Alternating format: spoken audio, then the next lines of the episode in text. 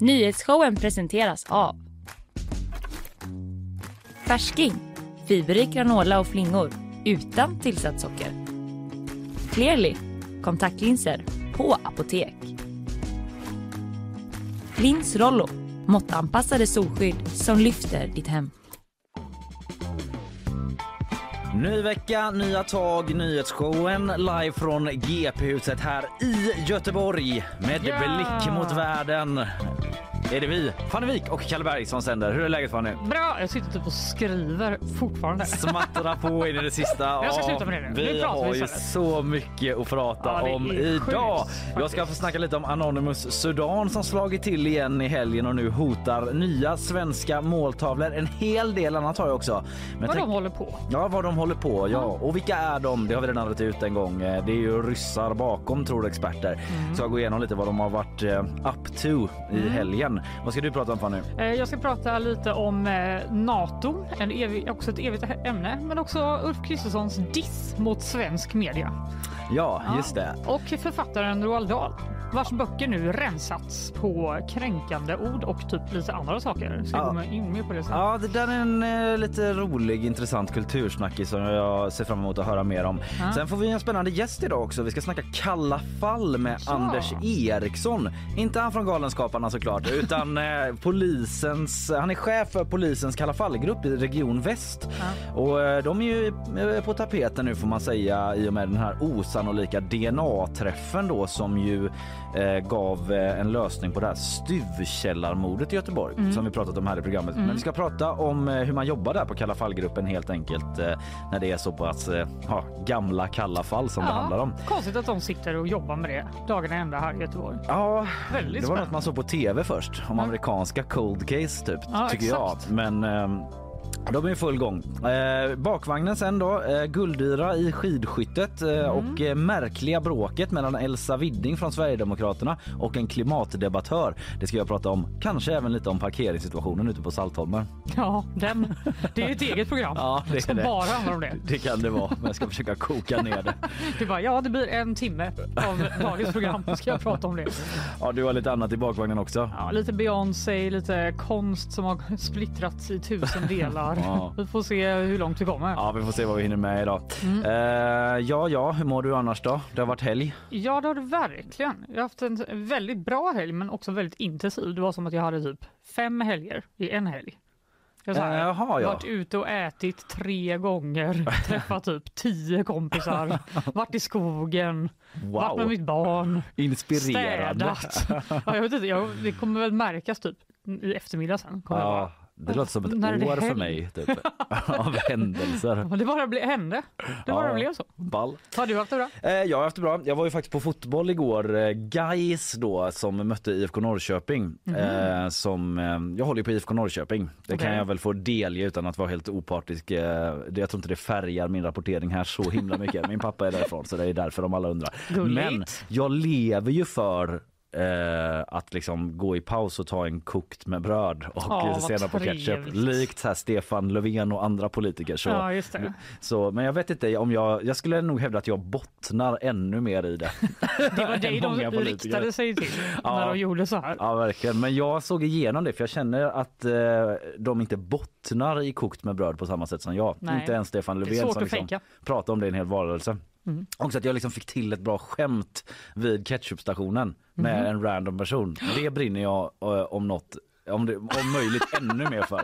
Att liksom möta Kalles en främling och få honom på ett skämt över en kokt liksom. Ja, nu får du berätta skämtet. Ja, det var...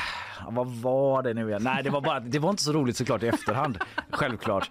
Men att det strulade med kaffemaskinen för jag tog en kaffe då också. Ja. Eh, eller kaffe, den var liksom full så man fick tippa den och hålla på och så blev det lite rörigt. Och så var locken för stora för koppen. Och så sa jag typ att det var som ett prank, eh, bla bla bla. Och så pratade vi om att det lades upp på Youtube. Ah, you had to be there. Det var inte ens ett skämt. Nej, det var inte ens ett skämt. Men vi skrattade i alla fall gott Ja, då. hade en trevlig stund. Vi hade en himla Grattis. trevlig stund. Jag ångrar, jag har redan gjort den där ber- återberätta skämtgrejen och det var nog en gång för mycket. Ja, men jag bad dig så jag får skylla mig själv. du bad mig faktiskt.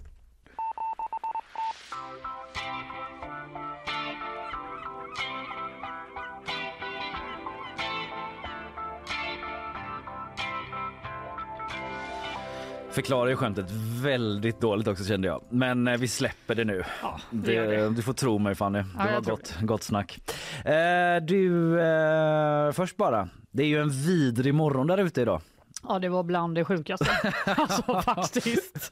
Det var fick du det. surt erfara. Ja, när, vi, när vi såg varandra du och jag kom från varsitt håll i korridoren och bara titta var helt stumt på varandra.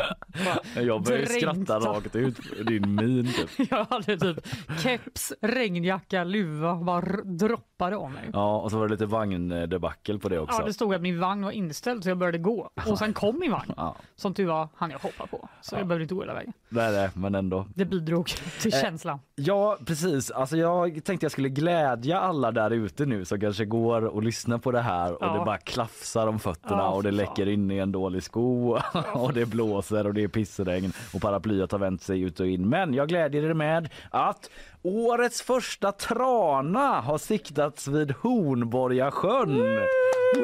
Nu vänder det hörni! Välkommen Tranan! Ja, för det brukar ju kallas för ett klassiskt vårtecken. Ja, åh. Det är det som är glädjebeskedet. Det var igår som fågelskådaren Tore Johansson skruvade in skärpan på kikan kanske. De kanske inte behöver en kikare ens för att se en trana om man är Nej. fågelskådare. De, De är väl ganska stora. tradi- Ja, och liksom karaktäristiska Man blir inte jag. så här, hmm, kan det vara en annan fågel? Då är det riktigt dålig fågelskådare. Men jag tänker att det måste vara riktigt goals eller? Ja. Se den första tranan om man är sån. Detta kommer vi prata om i många år, säger Tore till Aftonbladet. Det Nej. var väldigt roligt faktiskt. Många av oss har varit fågelskådare i 30-40 år och i alla fall jag har aldrig sett den första tranan. Vi blev lite exalterade faktiskt. Så en stor grej för Tore och det kan man ju förstå. Man har gått Ja. i 30-40 år och till slut var man var med om att se den första tranan.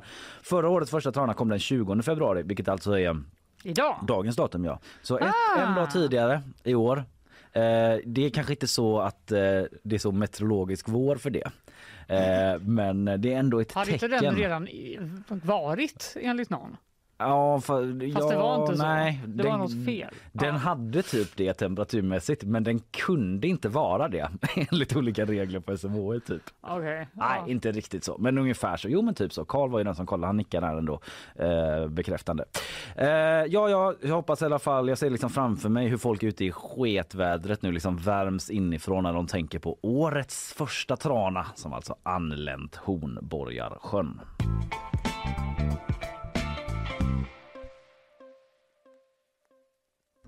På onsdag kommer något, säger Karl.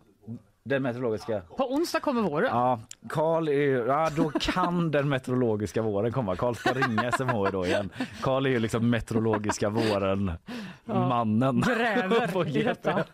Ja, det är, vi, vi kommer meddela vad Ja. vi kommer fram till. Ja, vi har grävt vidare i detta. Ja. Var så säkra på det. Men nu något helt annat va? Ja, för i helgen så kom besked om att Turkiet meddelat Finland att de nu uppfyller kraven i det här avtalet som slöts mellan Sverige, Finland och Turkiet i somras. det känns ju som att de redan har sagt det men de har inte det riktigt så. Utan nu var det officiellt bara Nu var det eh, Finlands utrikesminister Pekka Haavisto som sa eh, detta till eh, nyhetsbyrån AP tror jag det var. Men jag läste det i TT. Mm. Att nu har de, de hade inte sagt liksom nu är ni med. Men de hade sagt, de hade hintat så. Ja, Nu, nu uppfyller ni kraven.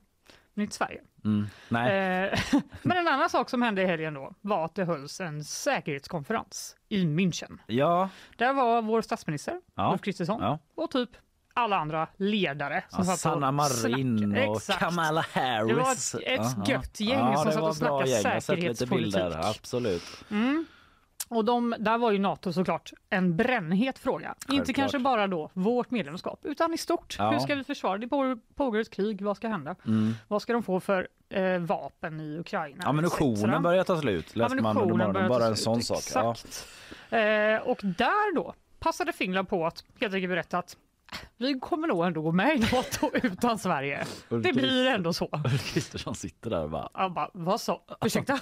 Vänta lite nu. Ja. Och det har ju varit, alltså det känns som att vi har pratat om det här så Ja. många gånger. och Det har liksom varit liksom- positionsförflyttningen lite, lite, lite Exakt. närmare det här hela tiden. Ja. Det började högst upp med vi kommer aldrig gå utan varandra. Vi brothers. Hand i hand tillsammans, tillsammans. du och jag. Exakt. Sen helt plötsligt Eh, vänta lite nu. Ja. Vi kan inte hålla på med det här mer. Och igår sa Finlands försvarsminister Mikko Savola helt enkelt till nyhetsbyrån AP eh, under den här säkerhetskonferensen att Finland kommer att gå med i Nato. Om den finländska ansökan godkänns av Turkiet innan den svenska, då kommer vi gå med i Nato utan er. Han Och bara även- orkade inte längre. Nej, han bara, "Åh, vad ska jag hålla på och typ låtsas som att jag ska vara med er? Jag ska inte det. Och sen så även Finlands president då, Sauli Niinistö, Ja. mm, eh, till Ekot i lördags att Finland kan inte dra tillbaka sin ansökan bara för att eh, vår ansökan inte kommer godkännas. Godkänns den, då, då får de gå med. Ja men det tyckte jag var så roligt då, eller intressant för att eh, om det har varit grejen hela tiden så här att om, vadå, om, om, om Turkiet godkänner oss men inte er, då kan ju inte vi bara dra tillbaks vår ansökan. Nej, men då har det väl aldrig varit liksom Jag vet, har vi möjligt att vi ska vänta på varandra. Precis, varför har vi ens pratat om det om det inte ens var ett alternativ att säga nej då? Nej, för nu låter det lite som att så här, det är en symbolisk grej att vi har ansökt tillsammans. Men Mm. Ja. i själva verket, så här, om någon har ansökt, då kan man inte bara oh, avansöka helt plötsligt. Nej, för det är ju som Ulf Kristersson brukar säga också att Turkiet fattar turkiska beslut. Ja, exakt. och nu har de gjort Varje det. land får, så säger han också, varje land får fatta sina egna beslut. Ja. Och nu har också Finland gjort Ja, det, tyvärr. Så när man lägger ihop alla de bitarna efterhand så är det bara så här, ja ja det är klart att Finland gick med före då. Ja, lite att man känner sig lurad. Typ Ja. om jag hade lyssnat lite bättre så hade jag förstått att det var så här det var hela tiden. Men eh, ja, jag vet inte. Det känns ändå som att ja, det har uppstått diverse frågor kring det här då på säkerhetskonferensen där Ulf var. Och man kan tänka sig att han satt där och bara, ah, Mm. fan också. Ja, Nu blev vi ändå dumpade av Finland. ja. Eh, Så då vill man ju veta hur han kommenterar det här. Mm. Vad sa han till journalisterna? Vi ska lyssna på Daniel Alling, Sverige, eh, Sveriges Radios korrespondent här. Ja, från statsministern har vi inte hört någonting. Statsminister Ulf Kristersson lämnade för ungefär en halvtimme sedan säkerhetskonferensen i München. Hans program är klart och han har inte uttalat sig överhuvudtaget. Vi stod några journalister där vid utgången och han stannade inte utan gick förbi, gav ett eh, leende och satte sig i bilen och åkte iväg. Tonen från Daniel Eller Alling.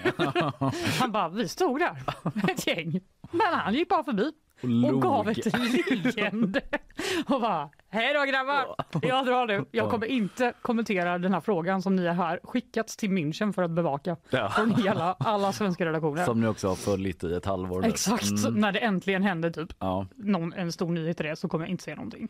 Mm, men då eh, visade det sig sen att han kanske ändå skulle ge en liten kommentar Men se där ja. i, en, i Financial Times. Åh, har han fallit för den grejen? USA knackar på. Exakt, Alltså så- vill ni prata med mig? Ja. Ha, helt plötsligt fick alla svenska medier då writa eller typ hänvisa till Financial Times då för att meddela vad eh, Ulf Kristersson tyckte om den här frågan. Vi Ja. kan lyssna på Daniel Allings reaktion på det.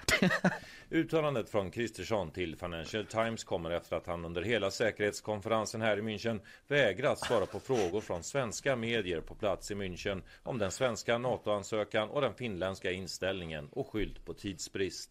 Oh, the shade. Han bara vägrat svara på frågor på grund av tidsbrist. Men så ont om tid hade han inte. Nej. För när Financial Times ringer Det finns alltid ett litet hål. finns det alltid Man lite kan skapa sig tid. Exakt.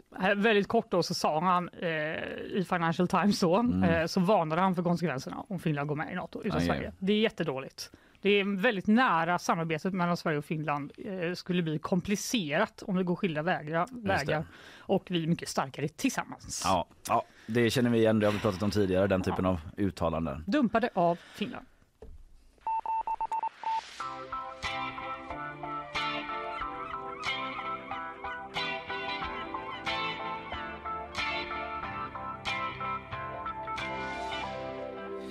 Ja, vi får väl se då eh, hur det blir med Finland får man väl ändå understryka för än så länge så är de ju inte med. Nej, Det och, kan ju eh, fortfarande bli någon twist att vi går med samtidigt ändå då, om Exakt. Turkiet ändrar sig. Någon kanske kommer på att vi kanske är starkare tillsammans. Ja. De får vara med båda två. Man får ju alltid ha den brasklappen att it ain't over till it's over så, är att säga. Eh, vi ska ta lite sponsormeddelande nu. Sen kommer Isabella in. Vi får nyhetssvep om det senaste. Sen ska jag snacka om eh, Anonymous Sudan som har varit i farten igen och sen lite Ja. om Roald Dahl då också. Det stora kulturbråket om liksom Storbritanniens Astrid Lindgren. Ah, men typ i alla kan fall. vi kalla honom ja, det kan vi väl säga. Nu blir det sponsormeddelanden. Nyhetsshowen presenteras av Färsking, fiberrik granola och flingor utan tillsatt socker. Clearly, kontaktlinser på apotek. Lins Rollo, måttanpassade solskydd som lyfter ditt hem. Ja, eh, Isabella Persson är här och eh, lyser upp studion med en grann kappa. Oj. Lyser upp vårt liv som vanligt. Ja. Nej men eh, det ska ju ändå uppmärksammas att jag har färg på mig. Ja, det det- händer inte så ofta. Är det med anledning av att första tranan siktats Ja. vid Hornborgasjön? Sån vårstämning. Då plockar du alltid fram den lite så eh, strandkant vid Ja. sjön-viben Ja, på, lite på den till faktiskt. våren. Så. Ja. Ja, det uppskattar vi. Kul. Eh, Men vi uppskattar också när vi skiftar ton över till till ett nyhetssvep. Och det gör vi nu. En frivillig soldat som är hemmahörande i Göteborg ska ha stupat i Ukraina. Detta enligt uppgifter till Expressen där mannens anhöriga ska ha medlat informationen på hans egen Facebook-sida. Mannen som är i 35-årsåldern ska vara den tredje svenska medborgaren som stupat i kriget. Fler än en miljon människor i Ukraina kan bli utan vatten när nivån håller på att sjunka i ett vattenmagasin i området runt staden Cherson. Detta rapporterar DN och hänvisar till uttalanden från Ukrainas miljöminister Ruslan Strilets. Det var när Ryssland drog sig tillbaka från staden i höstas som de sprängde delar av dammluckorna. Och enligt miljöministern kan det bli en ekologisk katastrof om nivån sjunker under 12 meter som just nu ligger på knappt 14. Idag börjar elprisstödet att betalas ut. Försäkringskassan har med hjälp av uppgifter från 132 elbolag uppskattat att 17 miljarder kronor kommer att betalas ut till hushåll i södra och mellersta Sverige. Men om du ska vara först ut med att få pengarna så måste du ha stått på elnätsavtalet i november och senast den 13 februari ha registrerat ditt kontonummer hos Swedbank.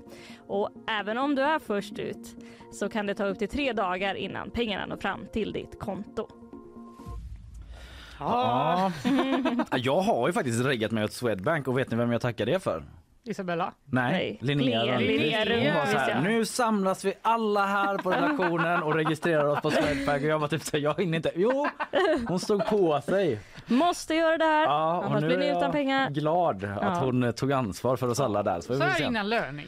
Ja, eh, oklart. Jag känns inte som jag är kanske den som är mest drabbad Nej. av den här elchocken. Det är bara Mm. Lite spännande nu. Ja, se hur mycket man får. Ja, Ja, typ precis. 100 spänn! Lunch Wow. ute idag. typ att det kostar mer än 100 spänn. Ja, jag vet inte om vi och eh, eventuellt vår Nej, målgruppen ska jag inte uttala mig om här, eller lyssnarna. Det finns säkert många olika. Ja, det finns nog både och. Men folk som bor i lägenhet i stan är väl kanske inte värst drabbade. Det är Nej. väl inget man sticker ut hakan med när man Nej. säger det. Ja, ja, på tal om att det ska betalas ut via diverse elektroniska tjänster och banker då så ska jag prata lite överbelastningsattacker nu. Anonymous Sudan. De har du koll på Isabella? Jajamän, och ser fram emot att höra mer. Ja, det kommer här. Tack så länge. Och eh, så. Och så.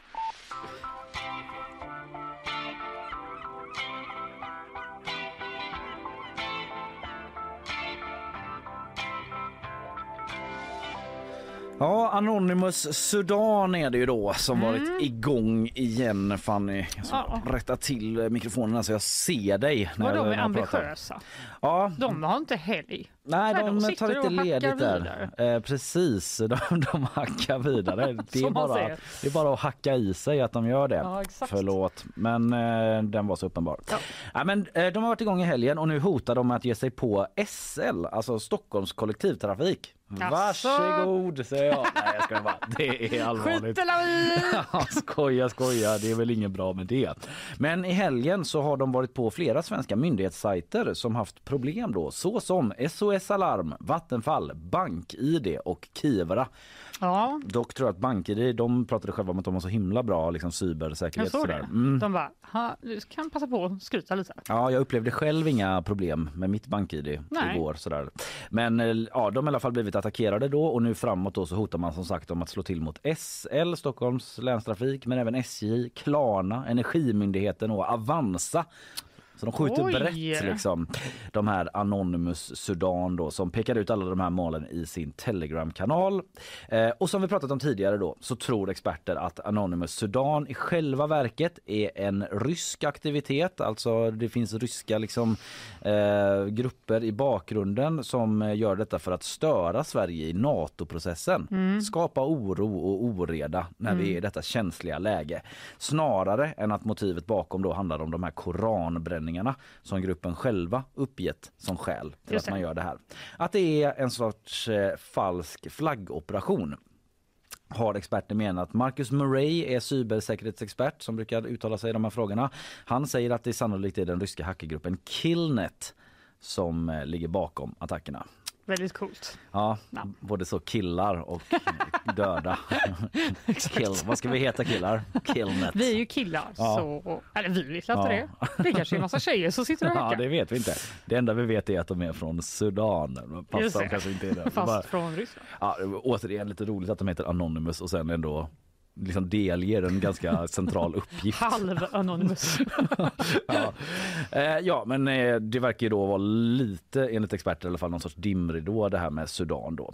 Eh, så, eh, som sagt, eh, grejen är då eh, att eh, nej men så här, de här attackerna ska man säga så här. Eh, det säger flera experter då att det inte innebär något direkt hot mot Sverige. Det handlar mer om att det liksom irriterar och att de vill väcka uppmärksamhet. Det säger eh, folk på Totalförsvarets forskningsinstitut, FOI, i ett uttalande.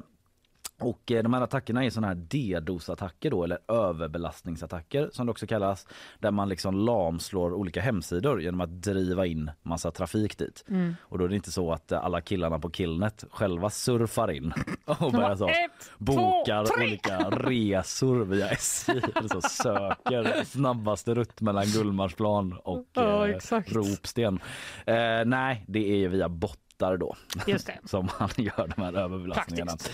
Ja, och eh, så, så man slår ju till mot he- hemsidor så det är inte så där att liksom hela Stockholms länstrafik kommer ligga nere eller Nej. eh, att andra sajter gör det utan det är mer för att liksom störa och irritera då Carl Oskar Bolin, moderaten som är minister för civilt försvar. Han tycker att attackerna är allvarliga men gläds också över utsatta företag och myndigheters hantering. Han tycker de gör det bra. Ja, så man har flaggat för en del hot här nu då, eller en del attacker under måndagen och eventuellt tisdagen. Vi får se vad som blir av det och Ja. liksom om de kommer stegra det här eller om de kommer fortsatt vara som en liten ja, men störig mygga i ett tält. Du vet.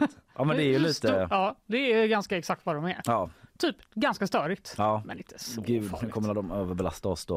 Om man kallar dem för en Imorgon blir större det ingen mygga. show. Det blir inställt. Ah.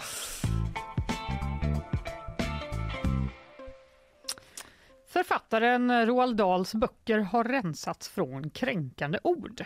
Mm. Mm, känner du till Roald Dahl? Ja, Har det- du läst som barn? Ja, när jag var liten så var väl den här Häxorna va? Mm, och Häxorna. eh, Stora vänliga jätten var den jag Exakt. läste någon gång när jag var liten. Ja. Matilda läste jag, Mm. min favoritbok. Och också minns vi kanske Kalle och chokladfabriken som också blev en väldigt ja. stor eh, filmatisering. eh, Av Tim Burton. Ja, just det. Ja, just det. Med Johnny Depp. Mm. Med Johnny Depp, exakt. Eh, han är helt enkelt en jättestor barnboksförfattare och han är också känd för att skriva liksom, barnböcker som har lite typ problematiska, kanske lite äckliga, lite ja, brutala inslag. Ja, Eh, jag, jag minns ju till exempel då från Kalle och chokladfabriken Augustus Glupsk. Den väldigt, väldigt överviktiga eh, barnet som var Ah. då väldigt glupsk. ja. Så när han kommer in då i chokladfabriken så bara kan han liksom inte hejda sig han börjar liksom dricka choklad och drunknar nästan i choklad och han sugs upp i något rör och liksom Ja. ja, de, de gör lite så god sång om Ja. hur, hur glupsk och tjock han är att han inte kan liksom Ja, det är lite sådär bisarrt och Exakt. makabert nästan. lite absurdistiskt Ja, nästan. mm, just det. Och det har ju varit det som folk tycker är kul med honom, att Ja. han har de typen av inslag. Om man typ jämför med vår då, liksom kändaste barnboksförfattare Astrid Lindgren som är kanske lite mer snäll. Ja, så ja. har han eh, liksom tagit ut svängarna lite mer där. Mm. Och därför så har det här skapat ganska mycket reaktioner. För nu har man då valt att ta bort eh, ord, vissa ord, typ ordet tjock eh, och ordet ful har försvunnit ur de brittiska nyutgåvorna av de här böckerna. Eh, Augustus Glupsk då kommer inte längre vara tjock utan han ka- kallas istället för enorm. Mm. Inte riktigt vad skillnaden är talat. Men det är väl typ triggerord tjock då antar jag. Eh, en annan bok som han har skrivit, Fru Slusk, här och Fru Slusk, där kommer inte Fru Slusk att kallas för ful utan bara otäck. Mm, okay. Ja, så ja, de har liksom pinpointat ut då ordet tjock och ordet ful. Det ska vi inte använda i den här barn, de här barnböckerna. Ja, okay. eh, och anledningen som de har gett då är helt enkelt att de ska bli mer inkluderade och mindre kränkande för en modern läsare, läser jag i The Telegraph som mm. har breakat den här storyn i mm. England helt enkelt. Och då Roald Dahl Story Company, det är de som äger rättigheterna. Roald Dahl eh, dog 1990 så han kan mm. själv inte eh, säga bulebä eh, om detta. Det är också någon pseudonym typ va? Alltså jag tror faktiskt inte att det är det. Nej, jag försökte läsa det. lite okay. snabbt. Han, hans föräldrar kommer från Norge. Ah, ja, ja. Dal. Okay. Eh, ah, jag strunt i det då. Ja, då var det så. Mm. Eh, de skriver i alla fall eh, i ett uttalande att när man ger ut en ny upplaga av en bok som skrevs för länge sedan så är det inte ovanligt att gå igenom språkbruket samt uppdatera andra detaljer som bokens omslag och sidlayout. Mm. Och att förändringarna är små och noggrant övervägda.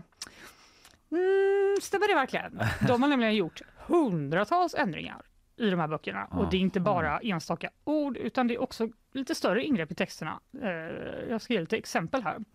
Eh, häxorna som vi pratade om, mm. där finns det en, ett litet stycke som beskriver att då häxorna var skalliga under peruker som de har på sig. Mm. Och där har de helt enkelt lagt till en mening som säger det finns flera anledningar till att kvinnor bär peruk och det är inget fel med det.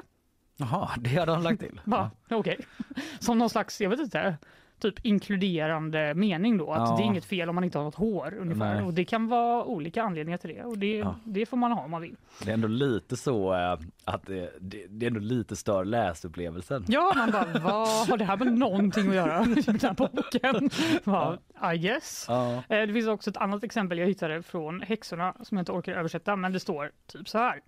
Even if she's working as a cashier in a supermarket or typing letters for a businessman. De mm. ska då beskriva en, persons, en kvinna som jobbar. Ja. Nu står det istället Even if she's working as a top scientist or running a business. Mm -hmm. Alltså hon jobbar inte längre för en man utan hon är själv den mm. som eh, är the businesswoman då. Ja, som är lite mer liksom, aktivistiskt eh, feministiskt då, eh, inslag som de har lagt in själva. Typ. Ja, Kvinnor ja. kan också vara chefer, vilket också är väldigt, alltså det är ju, är ju ändå en, ja, det, det kanske fanns en poäng med att eh, karaktärerna skulle ha de jobben. Eller det vet jag inte för sig. Men, Nej, men jag eh, antar att de tänker att det fanns kanske inte riktigt någon poäng utan det var typ Roald Dahl som tänkte på vad tjejer när, gör. När en tjej typ. jobbar. Ja, ja, men så mm. är det ju inte längre. Är det, det inte onödigt? Det är lite ibland tänker jag att uh, de skjuter in sådana meningar som uh, i vanliga fall föräldrar själva mm. kanske kunde ta ansvar för att säga Exakt. till sina barn så här att ja nu för tiden så jobbar ju tjejer även som forskare. Ja. Även på den tiden faktiskt ja, de exakt. det. Men ja, du fattar vad jag menar. Ja, jag tänker att man som förälder ändå har ett visst svängrum att själv typ man kan också läsa boken ja. på ett annat sätt då om man nu tycker att den känns lite mossig. Eh, så kan man ju också, alltså om inte barnet själv läser den ja. så kan de ju kanske inte vara så här, vänta lite nu. Nej men hoppa över vissa ord. Ja exakt. Ja. Eh, de har även gjort eh, i Fantastiska räven, The Fabulous Mr Fox, ja, som det också var en också. film wow, av vilka... Wes Anderson. Där har man tagit bort ordet svart i beskrivningen av eh, traktorer som kommer och ska riva ner rävens träd. Jaha. Att de är typ black tractors. Och nu är de bara murderous, brutal looking monsters. Mm. Och då vill de inte ha med ordet black i den kontexten. Mm. Så det är verkligen, eh, de har verkligen liksom gjort det här noggrant, eh, att de har valt ut då vilka ord, de här orden ska vi inte ens ha med då. Det känns ju som att gänget svart. bakom den här äh, återpubliceringen är ganska färgad av en viss analys. Precis, mm. äh, det får man ändå säga. Och jag menar, det, den här diskussionen har ju funnits jättemycket i Sverige med. Ska ja. man hålla på och, och, göra ändringar i kulturella verk mm. i efterhand för att de kan upplevas kränkande? Vi har ju till exempel då gjort uppdatering av Pippi Långstrump där mm. n-ordet har tagits bort mm. Eh, jag tycker ändå det är lite skillnad. Astrid Lindgren har ju själv varit väldigt liksom, ute och pratat om att hon är mot rasism och indelning i nationer och, mm. och har till och med själv sagt att hon inte skulle skrivit boken så Nej. i efterhand. Nej. Eh, Roald Dahl är ju tvärtom. Hans hela författarskap går ut på att han gör de svängarna och att ja. han vill att man ska skratta åt typ ett bortskämt barn eller ett glupskt barn och att mm. det är en mm. del av hans liksom, eh, jag vet inte vad man ska säga inte liksom meddelande han vill nå ut med, men det är liksom också poängen med den, till exempel Kalle och chokladfabriken, där Kalle då är det här fattiga barnet Mm. som ju får en guldbiljett. Och de andra är typ jättebortskämda, de har bara Mm. köpt alla chokladkakor Mm, eller mm. för att de är glupska eller rika eller vad det nu kan vara. Mm. Eh, och då blir det lite vanskligt att Ja. börja ändra i liksom the core av hans eh, böcker. Ja. Eh, och ja, det har blivit diskussion, den har nog bara påbörjats gissar jag. I Mm. England är, är folk helt galna över detta. Eh, bland annat har eh, Salman Rushdie, ja. den brittiska författaren som ju själv då levde gömd i väldigt många år efter att ayatollan i Iran hade eh, liksom utfärdat en fatwa mot honom när Ja. han skrev sin bok Satansverserna. Han skriver att det här är liksom Roald Dahl was no angel but this is absurd censorship. Mm. Och det är lite där tonläget ligger nu. I Sverige har jag sett att det är mer typ men man kan ändå förstå att man ska göra vissa uppdateringar. Och, alltså, det är ändå barnböcker, det är barnkultur. Det måste kanske ändå finnas ett utrymme Mm. att uppdatera dem. I England verkar det mer vara så här. Vad i Ja. helvete? Rör inte Roald Dahl! Men eh, ja, vi får, eh, jag tror inte att det är riktigt över än. Nej, det lär vi återkomma till. Det är en Ja. intressant diskussion det där för ja, du har ju redan varit inne på det så inte upprepa allt du har sagt typ, men att eh, just att det finns ju, ja, jag vet inte. Men det finns för och nackdelar och jag kan tänka att det finns ett visst ansvar i- hos den som Alltså, om man inte tycker det här är kul, det kan man ju förstå. Ja. Man tycker inte att Roald Dahls ton är så jävla trevlig att läsa för sina barn. Då finns det ju ganska många andra böcker som man kan läsa för dem istället Ja. om man typ inte gillar det greppet. Istället för att man ska gå in och göra hundratals ändringar Ja. i, så det blir en annan bok. Liksom. Mm. Ja. Men ja, de svenska, ska jag säga också, eh, de svenska nyutgivningarna, mm, lite oklart om de kommer ha de här ändringarna än. Det är inte klart än. Men de norska, De ska ha det. de ska ha det. All right.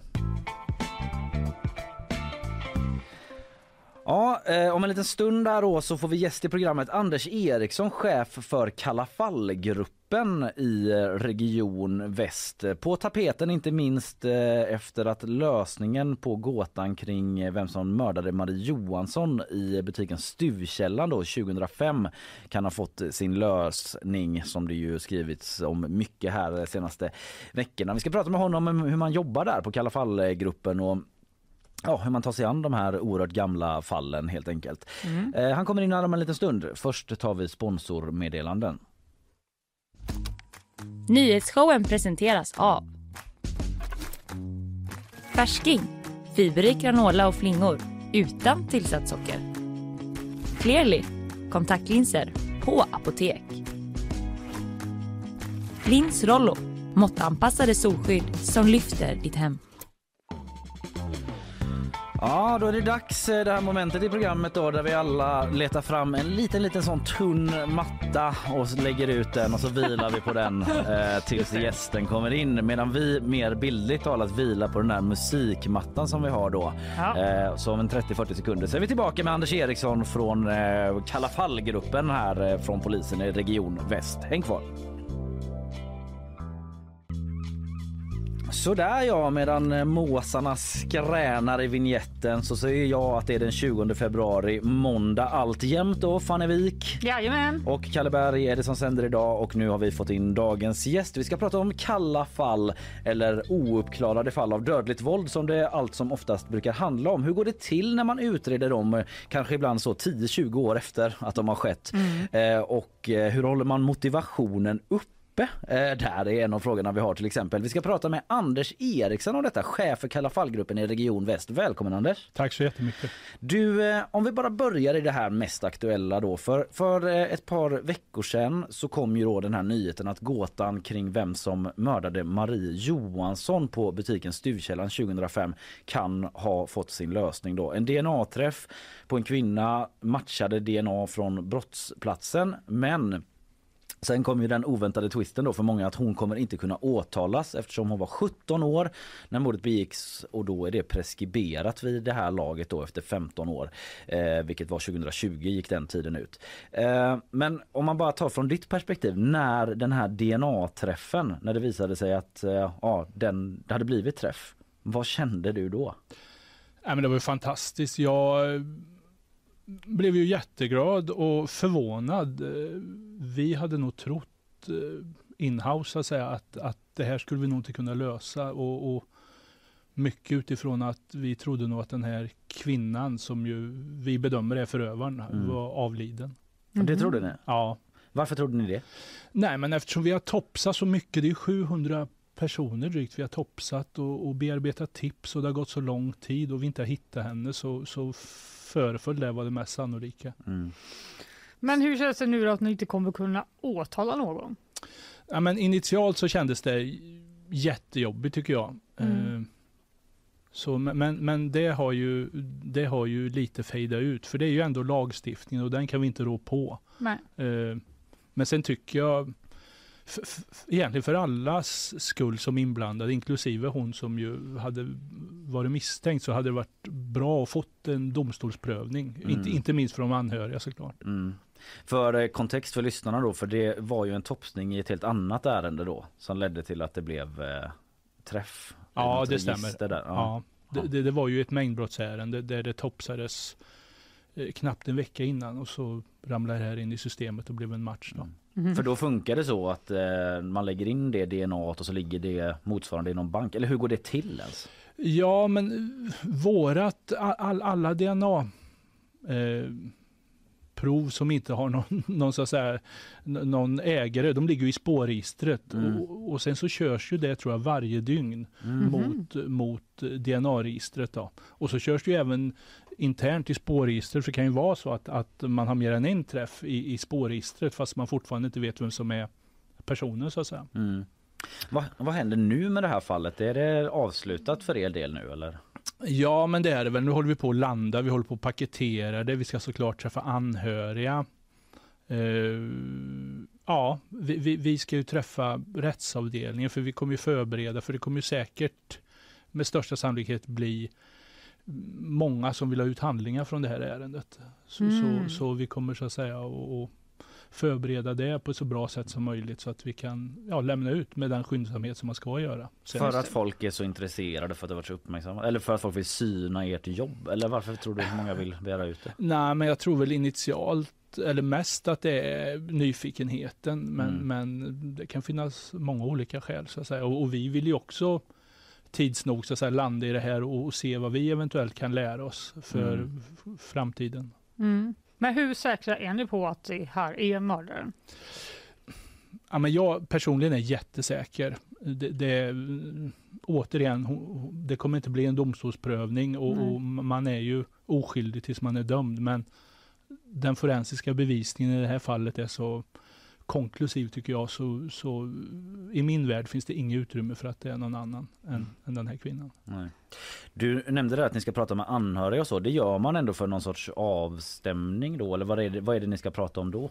Jo, men det är det ju såklart. Och, och, och sen har vi ju kontakt med de anhöriga längs resan så att säga. Och det är Mm. klart när det, när det är ju det som är med Kalla fallen. Ofta så går det från 0 till 100 liksom. Det, det finns ingen Mm. att, att vi känner att nu är det på gång. Utan det, i och med att det är kopplat så starkt mot forensisk bevisning så, så Mm. är det ingen träff så är det ingenting. Och är, är det träff så, så är det allt liksom. Mm. Det var inte att ni satt med något aktivt spår i det här fallet som ni så här, på måndag så tar jag tag i och åker ut och kollar på det här utan Nej, eh, det var det inte. Däremot så hade vi ju så att säga precis eh, var i farten att sjösätta en plan och topsa ett, ett antal kvinnor utifrån vi hade bearbetat den här mat, masstömningen, basstationstömningen, så, så vi så, har sett vilka, vilka kvinnor som var i det geografiska området ungefär en, en timme eh, Mhm. runt tiden för brottet där, eller den förmodade brottstiden. Så där skulle vi börja topsa liksom. Kunde det vara Mhm. folk som bara helt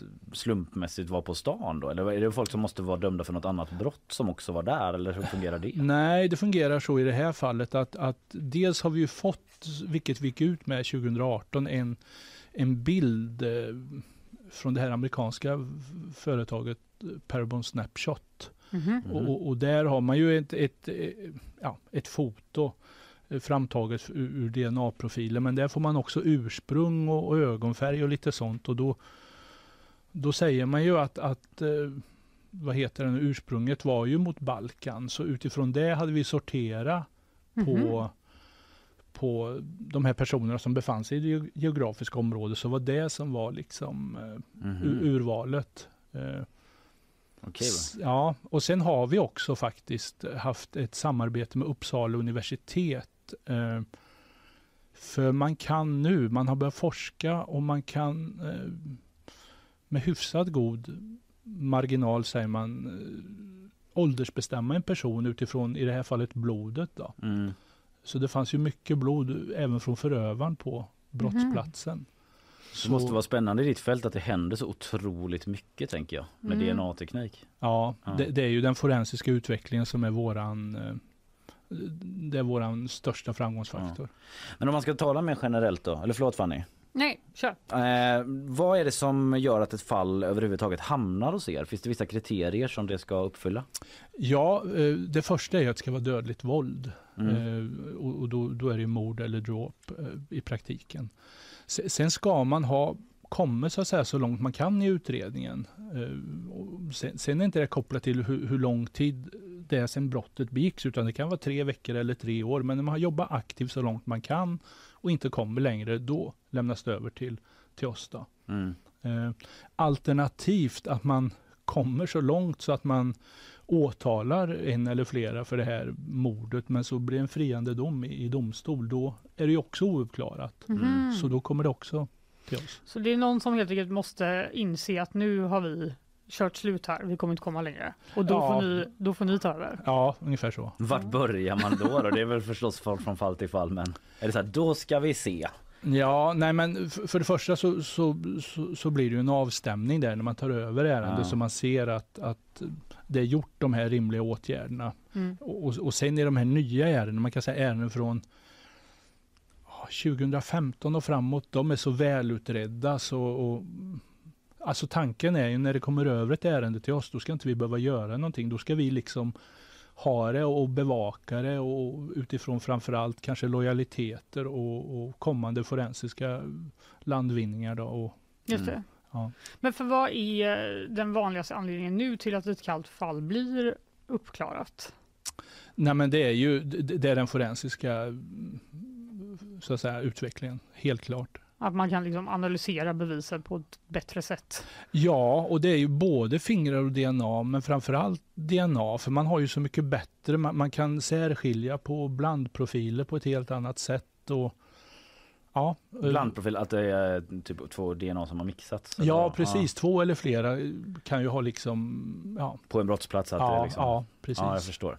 Men hur ofta händer, jag bara tänker på det du sa innan, hur ofta händer det att någon så här, blir uppringd och, och så säger ni nu får du komma in och topsas för ett brott som begicks för 17 år sedan eller vad det nu kan vara. Nej, men det sker ofta. Vi topsar ju folk eh, varje vecka i stort sett, alltså i, i Mm. gamla ärenden. Och, och det är ju det är ju väldigt ofta så, eller ofta så, att, att det är ju så att säga för att utesluta. Eh, Just det. Ja. Mm. Hur många fall har ni igång nu då i, i västregionen?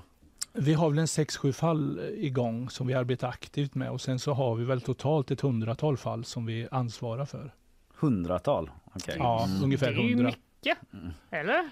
Ja, men det är det. ju. Det är ju alla ouppklarade mord i Region Väst sedan eh, första juli 1985. Mm. Är det något som ni jobbar särskilt aktivt med nu, vilket är högst prioriterade? Eh, ja, men vi jobbar ju mycket med mordet på Malin Olsson som skedde på Östra kyrkogården 1994. Mm. Eh, vi jobbar också med ett giftmord från Skövde som vi tog över här för något halvår sedan.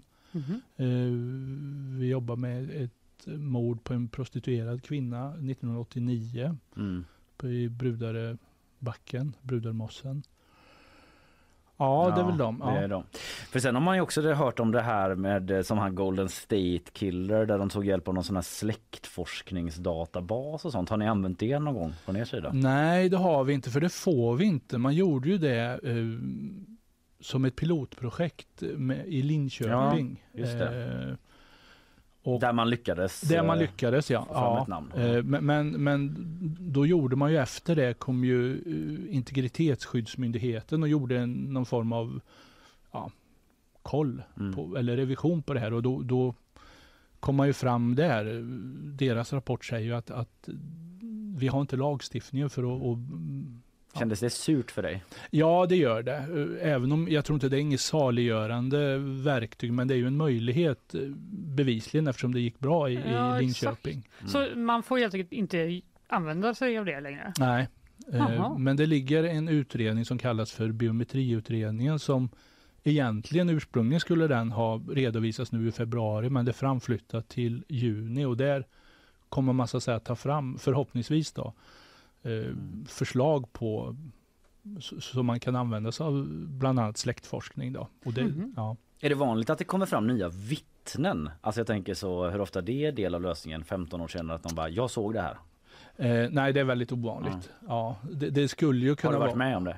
Eh, nej, det har jag inte. Det kommer jag inte ihåg att jag har. Nej. Eh, Men, men däremot så finns det ju i många utredningar eh, personer som kanske har mer att, att, att berätta än vad de har sagt till polisen och av Mm. lojalitetsskäl, att man är rädd eller någonting. Mm. Det kan man ju liksom, sen är det ju svårt att det är alltid svårt att värdera så att säga. Eh, Och, och det, det det är svårt att värdera trovärdigheten och tillförlitligheten mycket till grund för att det har gått så lång tid också. Mm. Minnet är ju bedrägligt alltså. Så, så även om, om, om vittnet i sig inte har ont uppsåt utan verkligen vill berätta så, så är ju Ja, frågan, det är ju lite så här, vad, vad är minnesbilden värd idag? Jag tycker också att vi i media skriver ju väldigt mycket om krimärenden nu för tiden. Det har ju varit en boom i sån true crime-skildringar och så vidare. Kan det leda till att fler kommer fram och vill vittna om gamla brott? Ja, men det tror jag. Det finns ju, en, det finns ju ett otroligt stort intresse, generellt intresse, så det är ju, det är ju väldigt, och jag tycker ju generellt sett all, all publicitet är ju bra alltså. Det, det, sen så får man ju kanske, ja, man får kontakt med, med personer som har lite mer så att säga udda, udda förslag och lösningar, men, det, men Mm. på det stora hela är det jätte, jättebra alltså. Mm. Har du känt någon gång att du hade, ändå hade velat ta dig en titt på Palme? Och bara se över materialet Ja, det är väl ungefär det man skulle hinna med. innan man Ja, stämplar ja, ut det? ja, nej det känns ju jättesvårt alltså. Ja. Nej, ja, nej, det har jag inte känt faktiskt. Men jag tänker att Palmemordet är väl kanske det, liksom, sinnebilden av ett kallt fall för de flesta i Sverige. Och då känns det som att det är ganska så här. Nu har det ju hänt massa saker de senaste åren, men att bilden är att det är ganska hopplöst. Liksom. Men vad är eh, upp... Eh, liksom, hur ofta löser man ett kallt fall? Det är ju inte så ofta. Alltså det, och, och, och, vad ska man säga? Det är ju, vi, har ju löst ett par, tre, fyra fall sedan eh, 2016. Och det är klart, det är ju det är ju kopplat till den forensiska utvecklingen alltså. Det I alla de fallen. Eh, Sen får man ju komma ihåg att de har ju utretts med, med, med all tillgänglig resurs oftast. Då, så, att, så att det är klart att det, det gör ju också att det, att det blir svårt liksom. När läggs ett kallt fall ner då?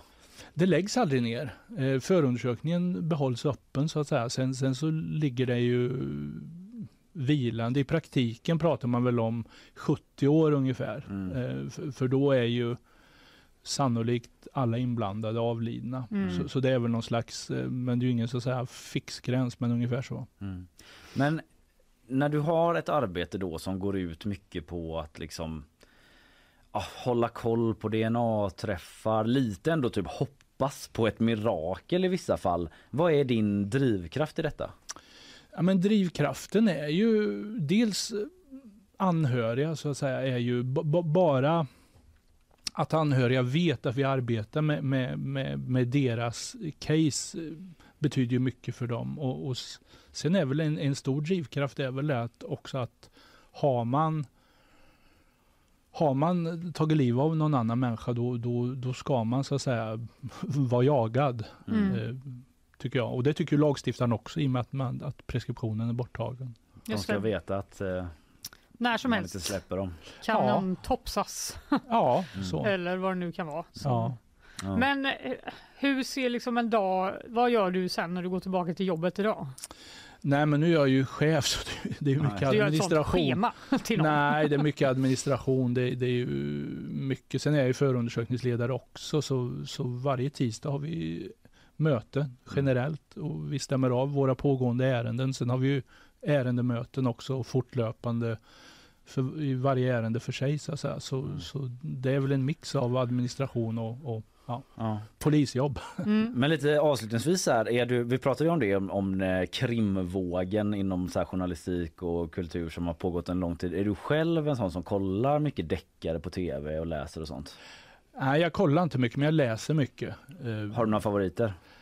Nej, det har jag. Men Jo Nesbø och även en, jag, jag gillar nordiska författare likväl Mm. som jag gillar nordiska eh, filmer. Liksom. Det är ju, ja, det, Mm. det är mycket sånt. Hur nära kommer de verkligheten tycker du?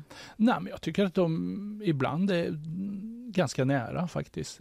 Sen, sen, sen får man ju ha överseende med detaljer liksom och, och, och det kan väl handla både om okunskap men också för att göra en, en, en berättelse bättre och mer intressant liksom. Mm. Såg du den jakten på en mördare som gick för ett tag sedan om eh, Helene Nilsson fallet i Hörby? Nej, Nej, det såg jag Kunde vi inte. ju kollat innan. Men nu vet alla att den såg ut så. den, den var väldigt bra tyckte jag. Skitsamma. Eh, men eh, har du något sånt exempel på liksom det mest långsökta tipset någonsin som ändå har varit rätt? Nej, det har jag inte. Det, det, det har inte kommit än. Nej, Eller också vet jag inte att det är rätt än. Nej, just det. Nej. just det. det ligger i någon hög Ja, ja. att bearbetas. Anders Eriksson, eh, chef för Kalla fall-gruppen alltså här i eh, Region Väst hos eh, polisen. Tusen tack för att du kom hit Tack så och mycket. talade med oss. väldigt eh, intressant. Tack så mycket. Ja, Fanny, vi ska visa Anders vägen ut i studion. Sen är det tvära kast som vanligt. Vi går raskt vidare i programmet och vi ska ha bakvagn. Men innan det så ska vi ta några ord från våra sponsorer. Nyhetsshowen presenteras av Färsking, fiberrik granola och flingor utan tillsatt socker. Clearly, kontaktlinser på apotek. Lins Rollo, måttanpassade solskydd som lyfter ditt hem. Ja, vi ska fortsätta med vårt eh, radioprogram som heter Nyhetsshowen. Live från GP-huset sänder vi och eh, jag ska prata lite om guldyran från igår då från skidskytte-VM. Där norrmännen fick sig en liten knäpp på näsan. Det var väl på tiden. Ja, verkligen. Och sen det här lite märkliga bråket då mellan eh, Elsa Widding, Sverigedemokraten, riksdagsledamoten, klimatförnekaren eh, med en klimatdebattör. Eh, Herregud. ja, lite, lite speciell historia. Ja, vill veta mer känner jag. Ja, det ska du få. Vi ska också få veta mer saker om omvärldsläget från dig Isabella. Ja, Välkommen. nej, tack så mycket. Eh, vi ska helt enkelt ta ett eh, nyhetssvep eh, och eh, ah, varför dra ut på det? Vi kör. Det gör vi. En frivillig soldat som är hemmahörande i Göteborg ska ha stupat i Ukraina. Detta enligt uppgifter till Expressen där mannens anhöriga ska ha med- meddelat informationen på hans egen Facebook-sida. Mannen som är i 35-årsåldern ska vara den tredje svenska medborgaren som stupat i kriget. Över 30 personer har omkommit efter omfattande skyfall i Brasilien. Översvämningar och jordskred har drabbat staden São Sebastião och räddningsarbete pågår vid närmare 50 bostäder som kollapsat. 60 centimeter regn föll under 24 timmar i staden vilket är mer än dubbelt så mycket som det brukar falla på en hel månad. Och man fruktar att dödssiffrorna kommer att stiga. Nordkorea har återigen avfyrat två ballistiska robotar. De ska avfyras norr om huvudstaden Pyongyang enligt uppgifter, uppgifter från Sydkorea och även Japans kustbevakning skickade ut en varning för robotarna. Nordkorea själva säger att det är ett svar på USAs och Sydkoreas pågående gemensamma militära övningar i området. Idag börjar elprisstödet att betalas ut. Försäkringskassan har med hjälp av uppgifter från 132 elbolag uppskattat att 17 miljarder kronor kommer betalas ut till hushåll i södra och mellersta Sverige. Men om du ska vara först ut med att få pengarna så måste du ha stått på elnätsavtalet i november och senast den 13 februari har registrerat ditt kontonummer hos Swedbank. Men även om du är först i utbetalningskön så kan det ta upp till tre dagar innan pengarna når fram till ditt konto. Tack för det Isabella. Eh, vi ska vidare här i programmet. Vad ska du prata om snart Fanny? Beyoncé, olika konstverk, kanske en alligator. Ja, vad blir du mest sugen på Isabella? Alligator, Alligatorn 100%. såklart. Ha, sparar den sist. Ja, vi går vidare.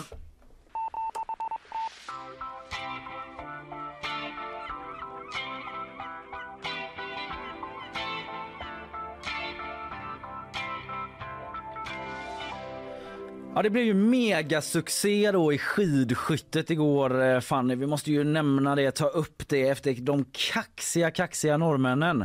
Vi pratade om det i förra veckan. Ja, ja verkligen. De hade varit så kom igen nu till alla andra. Vi är för bra. Och Sverige bara okej okay, Norge.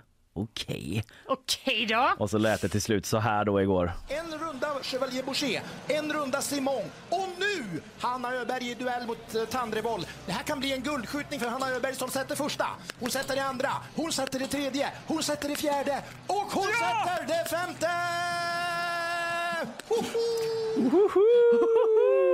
Så det är som när vi äh, läste om vårtecknet innan. ja, samma. Precis. Good vibes only. Ja. Fullt sköt hon Hanna Öberg. Dock gjorde ju även den här norskan bredvid det, så det blev en osäkerhet ett tag, eh, ett tag där om eh, hon gick ut en 10 meter efter norskan. Men till slut då så drog alltså Hanna Öberg längsta strået och det lät så här i Radiosporten. Nej, nu känns det väl ändå som att det är på gång till att säkra sig här. Hanna Öberg, vi kan utropa, det känns Färdigt! Ja, det känns klart. Hanna Öberg gör precis det som Sebastian Samuelsson gjort samma dag. Massstart över mållinjen där! Och Hanna Öberg är återigen, för andra gången i samma VM, en individuell världsmästare.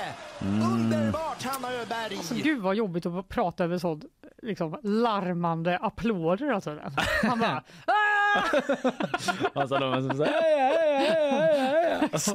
Sådana klapptror och snurrar någon, någon slags eh, journalistisk take på det också. Ja. Samtidigt som det bara pågår så. Bengt Skött på Radiosporten var det ju vi hörde. Ja, jag gillar hans energi. Ja, verkligen. Eh, och eh, som om det inte var nog då som Bengt Skött var inne, inne på där så hände ju även det här tidigare under söndagen. Och då kollar vi in de två svenskarna som står bredvid varandra. Samuel som börjar med träff, han sätter också det andra, han sätter också det tredje. Han, eh, hur går den fjärde? Han sätter det. Och nu för guld, för guld, för guld, för guld. Hur går det? Bägge ja! svenskarna, bägge svenskarna skjuter fullt! Jag älskar den eh, staccato. Bägge svenskarna! Det är så det ska låta när det kommenteras alltså. sport tycker jag. Ja, ja är det gåshud eller? Uh, nej. nej, jag misstänkte det. Men uh, det är helt okej. Okay. Det är helt okej. Okay. Jag, jag, är typ lite intresserad av deras tekniker och jag antar att om man ska bli så jätteframgångsrik sportkommentator så ja. måste man ha sin egen grej. Ja, jag tror det om man ska gå in eh, rakt i vedboden liksom. Ja, och alla, alla är jätteexcentriska så det måste vara ganska svårt.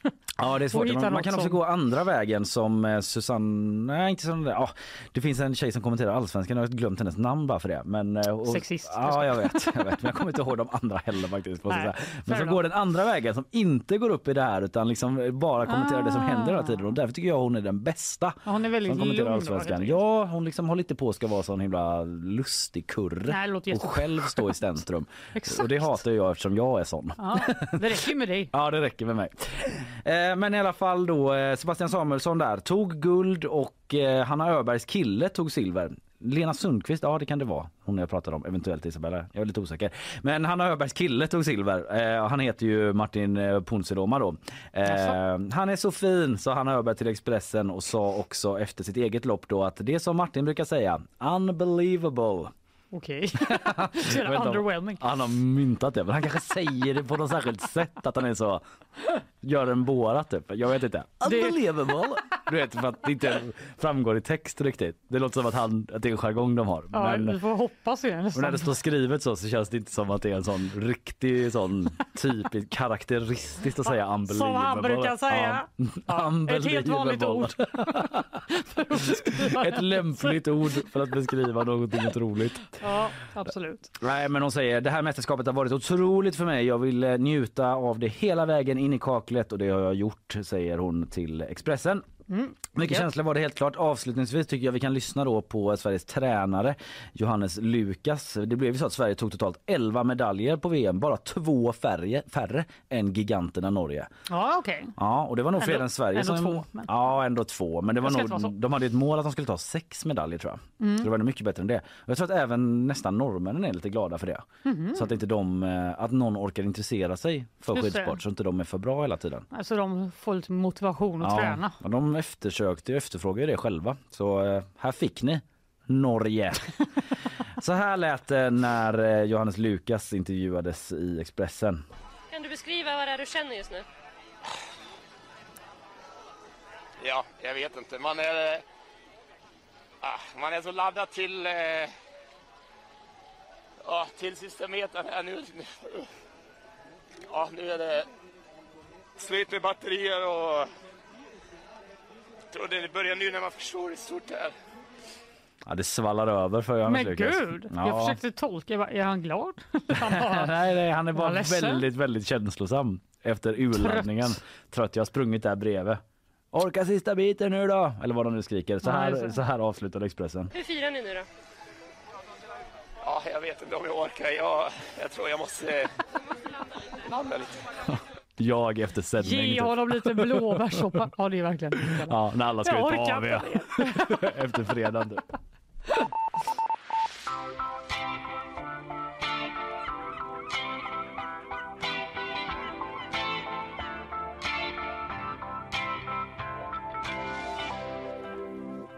Amerikanska fans vallfärdar till Skandinavien och Stockholm för att se sin idol Beyoncé. Mhm, ja. Det rapporterar Expressen som eh, i sin tur refererar till Buzzfeed. Mm, de har sett den här vallfärden, säger man så? alltså, Bestämt för mig. jag är väldigt skeptisk till att det här ordet stämmer. Men Mm. de har åtminstone två exempel Ja. på människor som gör det. Ja. Eh, och eh, anledningen är helt enkelt att eh, det finns ett, det finns biljetter Ja. och två, de har inte samma då, prissättning. De har en sån dynamisk prissättning på, eh, på konsertbiljetter i USA. Ja, ja. Som eh, det har varit mycket snack om bland annat på, grund av Bruce Springsteens eh, biljetter. Mhm. Att de har blivit svindyra. Och han är I liksom, USA. Mm, I USA. Att han, han är ju liksom arbetarklassens största symbol. Just och nu kan typ ingen som är normal inkomsttagare se honom längre. Det. För att det så dyrt. Alla får vi rätta oss efter utbud och efterfrågan. Så, eh, så är det. Och eh, så är det även här då. Att se Beyoncé i Stockholm kostar 4 000 kronor. Ja, det är ju inte svinbilligt det Det är heller. så sjukt dyrt. Jag betalade 220 kronor för att gå på Svenska cupen igår och tyckte att det var väl lite. 4 000? Det är väl ändå ganska få som kan hosta upp det ändå? Ja. Jag. jag hade inte haft råd med det. Nej, det är ju svinmycket pengar. Det är så mycket pengar. Men det är ett kap då enligt eh, amerikanerna Ja, ja. Eh, som måste betala ja, i alla fall det dubbla. Det får 10 000 vara kronor. En jävla show i så fall. Nu tror jag väl i och för sig att det säkert är det. Alltså säkert, men eh, ja, jag vet inte. På min tid, då kunde man bara åka efter Kent på hela deras turné. Fast man var student. För det kostade typ 300 kronor Ja. att se dem. Ja, det är ju Kent då, men absolut. eh, What's your point, Nej, Kalle? vi har- Kent också typ så 100 dansare och sänks ner från taket på en silverhäst typ. Känns som det är lite sådana grejer som hon gör, att det kostar mycket pengar. Du menar att det är dyrare för Beyoncé att sätta upp sin enorma... Ja, det tror jag. Ja, det tror jag också. Ja. Men eh, ja, den här personen som Buzzfeed intervjuat då, eh, Jess McCraney, hon säger det var helt enkelt den enda plats jag kunde få en biljett till. Ja. Hon betalade 300 dollar för en biljett i Solna. Mm. Och det var en bra bit mindre än hälften av vad, vad hon var beredd att lägga på att se henne i sin hemstad Las Vegas. Mm. Så sjukt underwhelming åka från Las Vegas till Solna. Ja, Hon bara, ja, ja, det Ja. var det här jag fick. Men det var i alla fall billigt. Ja, men också dumt, eh, olyckligt ställe att bo på. Las Vegas om man vill undvika liksom eh, tryck biljetter. på biljetter. Ja, Så, verkligen. Ja, sen står det här i Expressen. I Sverige går det att få tag biljetter till Queen Bees världsturné för mellan 1000 och 12 000 kronor. Oj då. Fattar inte riktigt eh, hur VIP det går till, men det brukar ju vara slag. olika sådana, typ Golden Circle. Vilket band eh, hade du kunnat tänka dig betala 4 000 kronor för? Eller artist? Finns det något? Oj, typ inte eller? Kent om de återförenades? Nej, fy. Då skulle de få betala mig. Om- Nej, jag hade ändå gått, men jag hade inte betalat 4 000. Nej. Du hade... Men, har du någon sån? Nej, det har jag inte. men det är ju för att jag är för snål och att jag Ja, men- tycker det är lite långt med konsert ibland. Man måste stå upp för Ja, någon ryggen. länge, typ. Nej, Och också om det hade varit någon sån legendarisk så hade det varit så länge, två timmar typ. Ja, nej, ställ in oss ja. Nej, jag Ja, vet inte. Jo men det, ja, nej, ingen levande idag. Om det, Beatles! Ja, jag vet. Om det, jag tänkte just det, om de hade återuppstått från de döda, Ja. då hade jag betalt 4 000. Kanske.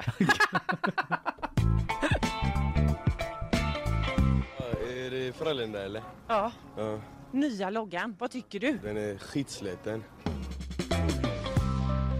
Ja, men nu ska vi prata om den här lite märkliga och eh, småförvirrade historien. Ända sedan inslaget i Aktuellt den 14 september 2021 har olika personer hört av sig till mig angående min Wikipedia-sida. Ja, den vi hörde där var Sverigedemokraten Elsa Widding då alltså. Eh, riksdagsledamot men också klimatskeptiker i ett klipp på sin egen Youtube-kanal som heter Klimatkarusellen. Samma som en bok eh, som hon släppt. Eh, där hon har eh, ungefär 22 600 prenumeranter.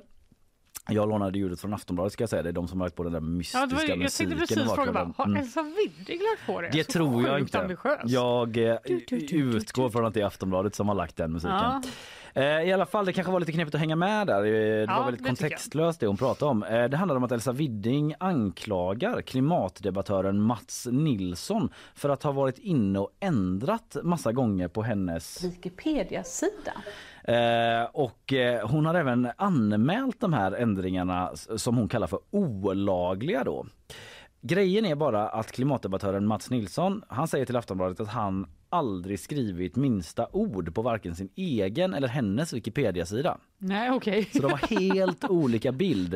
Eh, och eh, liksom eh, en som inte är heller helt säker på vad det är som har skett egentligen. Det är eventuellt Elsa Widding själv. Jag vet inte om det stämmer, men det påstås vara en person vid namn Mats Nilsson som skriver nedsättande och dumma saker på min sida. Ja, så hon vet Okej. inte säkert om det är så. Men hon går ut och svingar ifall. Ifall, ifall. I Det kan ju vara. förebyggande sving typ. ja, men hon menar då att, eh, det här var också från Aftonbladet då, men att eh, hon har fått uppgifter då från eh, folk om att det- här är vad som sker, att han är inne och ändrar saker där. Det är också lite oklart exakt vad det är Men eh, alltså du kan väl inte skriva något, något hemskt om någon på Wikipedia? De Nej. granskar ju allt som står där. De har ju eh, precis folk som granskar liksom. Eh, så eh, ja, men alltså det är saker som står på hennes eh, Wikipedia. Jag bara kollade där men jag vet inte om det är det hon syftar på liksom att det, det är Ja men liksom att hon är typ klimatskeptiker och sådär och att hennes bok har fått kritik och sådana grejer. Men i alla fall, jag ska bara fortsätta där jag var typ. Eh, ehm, eh, som sagt ehm, hon säger också i det här klippet att hon själv aldrig varit inne på sin Wikipedia-sida. Så hon har bara liksom nåtts av uppgifter om att det pågår de här ändringarna som hon tycker är helt fel då. Vilket jag först, först tänkte lite, lät lite konstigt så här. Om man nu pratar om det, att man inte varit inne på sin Wikipedia-sida. Ja. Plötsligt om jag hade haft en Wikipedia-sida så hade jag nog varit inne där då Varje och då. dag. det kanske säger mer om mig. Skrivit in något nytt. Lite fun fact om. Testat mig fram. Sen tänkte jag lite igen på hur hon uttalar det. Wikipedia-sida. Och då kände jag att hon kanske inte är så Nej, bekant med Wikipedia. Wikipedia. Wikipedia. Det är bara ett ovanligt uttal. Men eh, inte det kanske inte fel, fel, i sak. men, Men, eh, eh, det är inte så det brukar låta. I alla fall, eh, hon menar alltså att hon fått rapporter då om detta, att detta sker, att han håller på och ändrar till saker som hon inte håller med om. Och hon har anmält detta nu till riksdagens säkerhetstjänst och Säpo. Ja, du ska utveckla Fanny. Okej, jag tror att Elsa kanske har missuppfattat lite vad man anmäler till Säpo. Ja, eventuellt. Eh, Vi vet inte riktigt vad Säpo har svarat på det här. Eh, Jag Hon vet inte ens att det är han. Nej, hon vet inte säkert att det är han. Nej.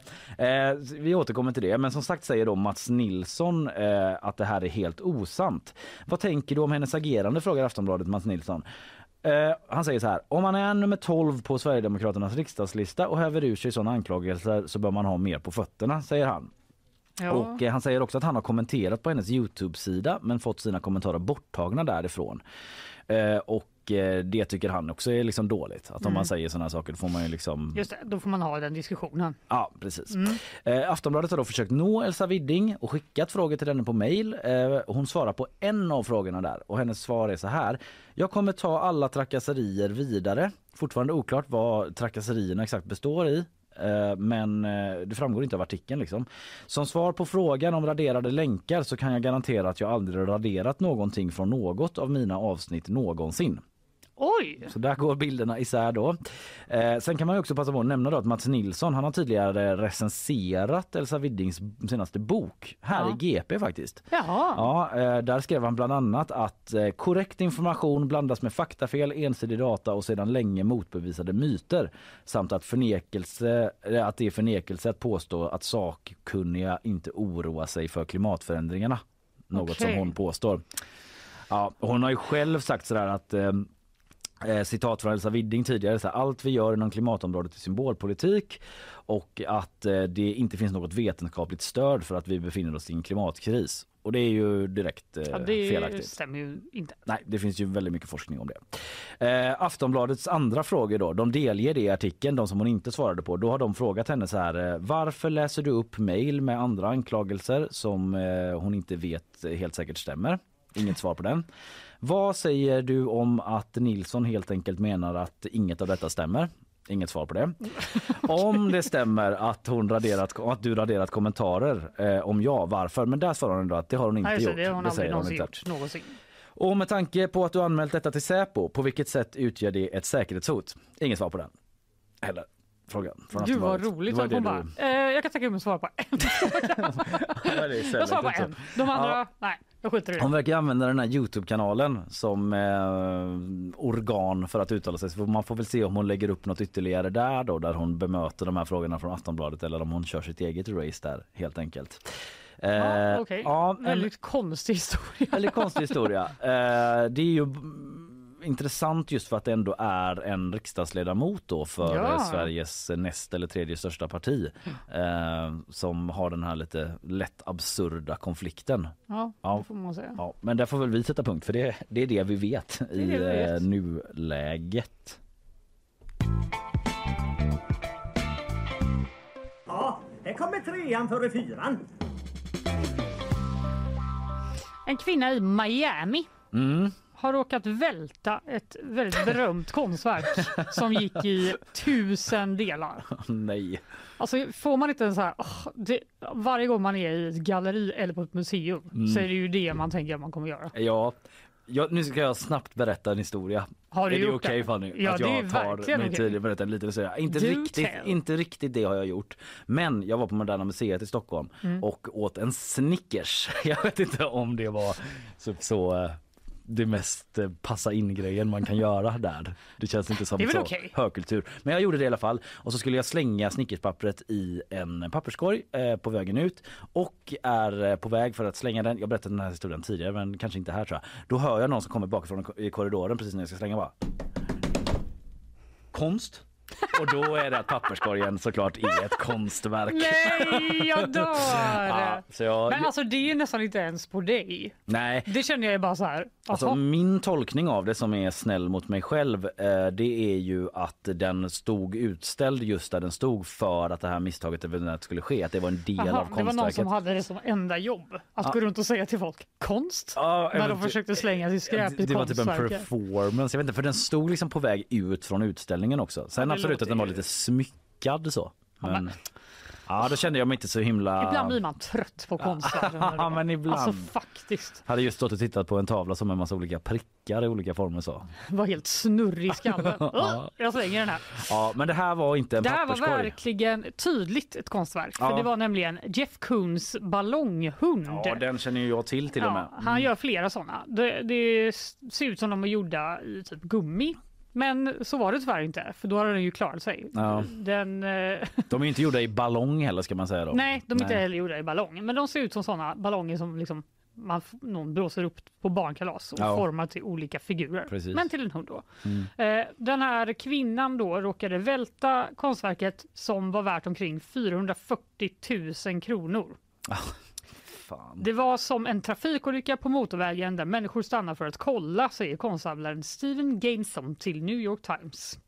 Och det var då någon slags VIP-kväll Mm, okej. som hon var på. Där Skönt hon, att det var eh, någon som kanske har lite pengar då. Det vet vi inte men att Nej, men är- kanske. Ja. Hon råkade i alla fall peta till en av de här hundarna eh, och han har låtit tillverka 800 stycken i olika material, kulörer och storlekar läser jag på Expressen. Ja. Just den här var då 40 cm hög och 5 cm lång Mhm. och visade sig, just den här då, var tillverkad i porslin. Typiskt. Nej, den gick i över 100 bitar. Oj, oj, oj. Har de räknat det eller? Reporter på plats. Alltså det verkar Vänta, som det. jag ska bara räkna. För att den här Steven då, Ja. han säger ah, rätt som det var så fick jag plocka upp Jeff Koons-bitar med kvast och skyffel. Jag tycker att det är en stor sorg för dem. Alltså, Undrar om folk trodde liksom- att det var en performance först då?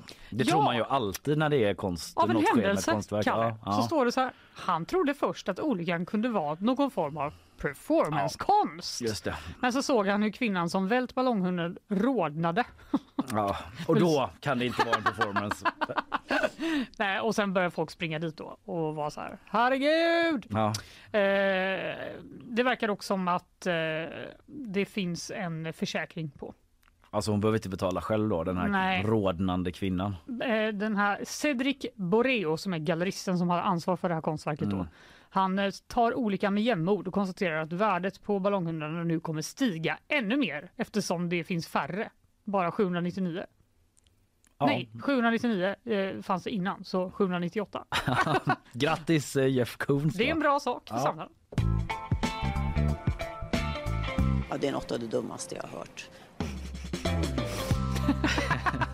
Det är ju alltid gött att ha den där. Ja, man gillar liksom, den. man vet aldrig vad det kommer syfta till. kli- klippa ut och ha bara det egentligen.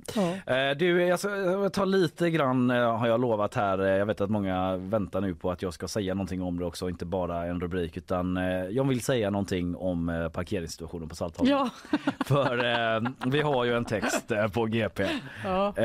där vi talat med Ingrid Jönsson från Donsö som har stått i kö sedan 1998 för att få plats ute på parkeringen vid Saltholmen. 25 år. Det är ju helt sjukt. Jag är så gammal att jag knappt är i behov av någon fast parkeringsplats längre, säger hon till oss på GP.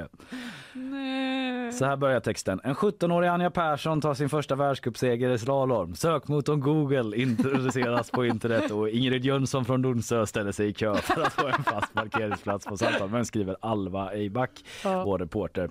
Idag 25 år senare så är hon på plats 10 i kön. Vad fan, hon är inte ens nära. Hon är inte ens en. nära där. För man misstänker ju då att det är extremt sällan det kommer en ledig plats. Det är väldigt sällan. Det verkar ju som att eh, parkeringsplatserna där ute går i arv. Folk som bott i generationer. Och tydligen får man göra så då. Att det skrivs Jaha. över på någon Det är vänster. inte som med lägenheter då. Nej, eller jag vet inte. Det, det, det, jag ska inte svära på hur regelverket är där men det är någon som, eh, annan som de intervjuar här som spekulerade det i alla fall. Eh, men ehm, Eh, vår reporter då, eh, Alva har ju pratat med enhetschefen för Göteborgs stads parkering. Hon säger vi har fått till oss att man uppfattar kön som orimligt lång. och att unga flyttar hemifrån för att de inte orkar med köandet. Konstig anledning att... De flyttar från ön för att de bara, "Ah, Ja. jag kommer aldrig få en parkeringsplats.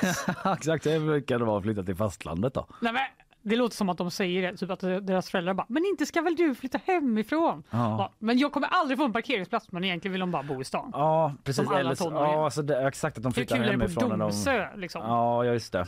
Om du är liksom en 18-årig Ja. person. Precis och då kanske man, just det för att man inte får skjuts av sina föräldrar in till stan då så flyttar man hemifrån i väldigt ung ålder Ja, jag tänker det. till, ett, till en villa på Saltholmen istället.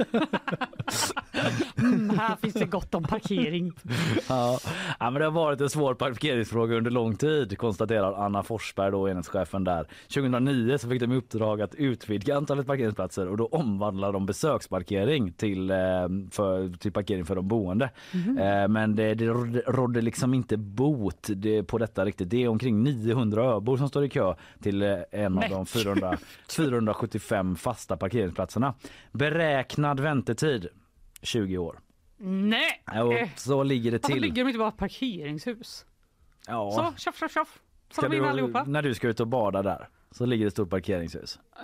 Ja, men vadå? På får- den parkeringen som redan finns. Ja, kanske. Det är det enda de bygger här i stan. Ja, så de får släppa dit en någon sån parkeringsprom du vet. Ja. Flytande. Fast så förstör de det vackra. Ja, det är ju det hela tiden. Ja, jag med bilismen överlag. Men alltså, jag måste säga att jag ändå har tänkt på det här när jag åkt ut. Jag brukar aldrig åka till Saltholmen på sommaren för att det går inte. Nej med spårvagnen heller. Det går inte med spårvagnen, det går uppenbarligen inte med bil. Nej. Nej. Cykla kan man ju göra. Ja, det orkar jag absolut inte göra. och det är också alltid mycket folk där. Så Ja. det är ju liksom. Men det är ju, måste ju vara väldigt jobbigt om du bor där på riktigt. Ja det måste det ju vara. Att du inte kan ta bilen. Nej, men då får man ha cykel där och köra sån året runt grej antar jag. Bara Ja. cykla på. För den senaste som fick förhyrd plats hade stått i kö i 25 år. Men det kan gå snabbare om folk säger upp sina platser, säger hon Forsberg. Men det gör de inte. Nej, det är lite svårt att prognostisera, men säg 20 år i alla fall innan den som står sist får en förhyrd plats. Det känns som det borde ta ännu längre tid. Alltså, Ja, en annan här, Tina Nilsson från Asperö, hon har eh, hon kom in på plats, år 2000 kom hon in på plats 159. Idag, 23 år senare, har hon plats 66. så hon räknar inte med att under sin livstid få plats då. Men gud. Ja, så nu vet ni. Kämpa öbor. Sådan är parkeringssituationen på Saltholmen. Det handlar om integritet och cred för fan alltså. Det finns vissa regler och restriktioner här va. Det är inte mer med det. Eh, igår, söndag, Mm. upptäckte förbipasserande en 120 cm lång alligator i en sjö i Brooklyn i New York. Det låter helt malplacerad du. Ja, det Den måste man alligatorn. ju känt. Ja. Är det här ett performance-konstverk på något? Är det Jeff Koons i krokodildräkt? typ, Är det ballongdjur? Ja. Nej men det var eh, lokala parkarbetare fick larmas till platsen då efter att en person hade upptäckt den här alligatorn. Ja. Eh, den ska knappt ha rört sig i det kalla vattnet. Det var totalt oväntat, säger Joseph Poello, ordförande för fackförbundet District Council 37 som företräder parkarbetarna Ja. till New York Post. De, bara, Ja. de ringer facket så. Är det här min arbetsuppgift? ja, vi tänker inte ta den Det är här. hela alligator som ringer här. Vad fan är det ring Miami till Florida. Typ. Ja, och då sa facket japp, det är din arbetsuppgift. Ja. För då fick de eh, ta upp den här alligatorn på sjön. Det kan du ge dig fan på att det är din arbetsuppgift. Okej. Sluta klaga! Jag trodde du var med på min sida. Det är så himla tråkigt när man bara kommer till jobbet en söndag och hoppas att det ska vara lugnt och skönt. Ja. Går en promenad i parken bara. Ja, det här kan väl ändå inte vara.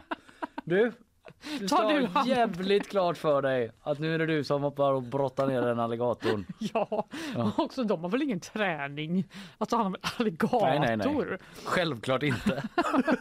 Nej, men de gjorde det i alla fall. Ja, de gjorde det. Bra jobbat. Den fick åka iväg till ett djurskyddscenter.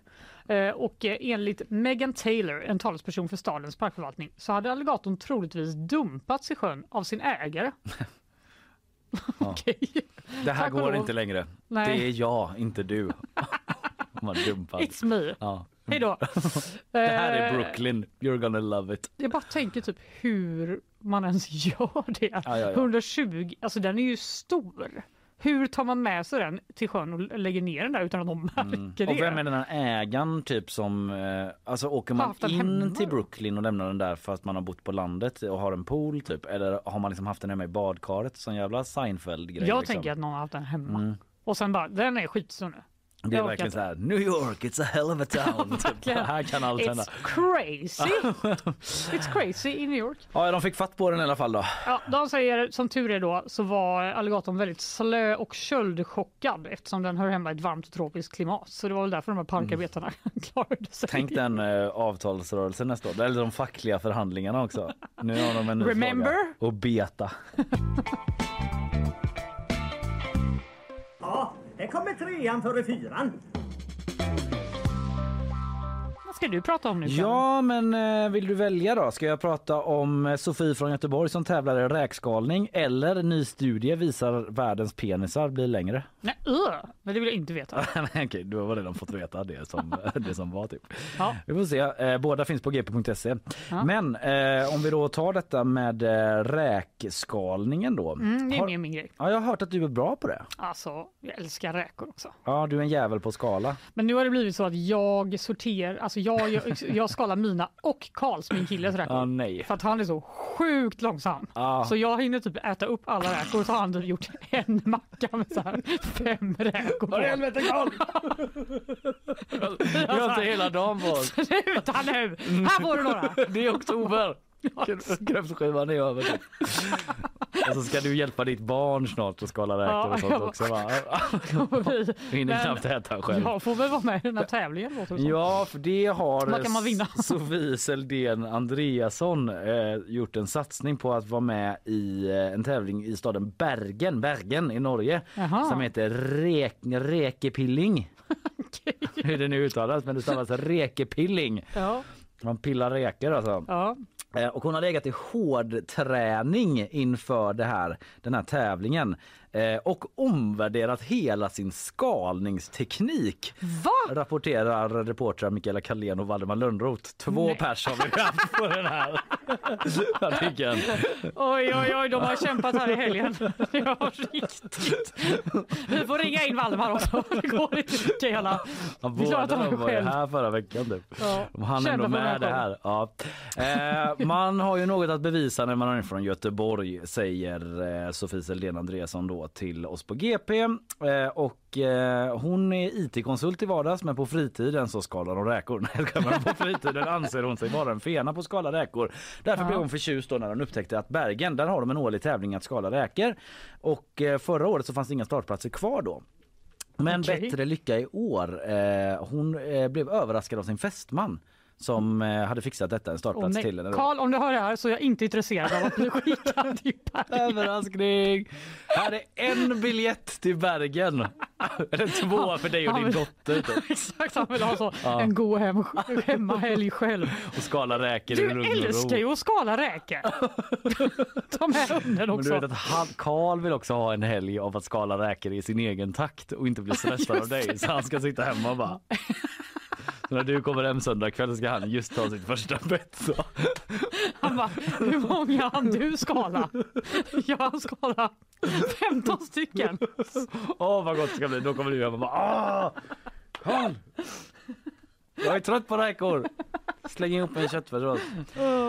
Nej men så hon ska åka dit då och eh, testa detta och eh, som jag nämnde då så eh, har hon eh, omvärderat hela sin teknik då. Eh, hon, måste, hon insåg att eh, hon måste byta teknik för att eh, den som eh, har skalat eh, flest räkor då vinner. Du frågade om det var något pris. Eh, Det är Ja. ett presentkort för, på en restaurang då för 2000 kronor. Ja. Ehm, och, I Bergen då? ja, ja, det verkar så. Det Ja. räcker till en bärs i Bergen, sen är det slut. ja, ungefär så. Ja. Eh, nej, men, eh, hon märkte så här att eh, tidigare så hade hon börjat med huvudet. Gör du det? När du skalar? Vad betyder det? Jag, jag tar den och bryter den på mitten.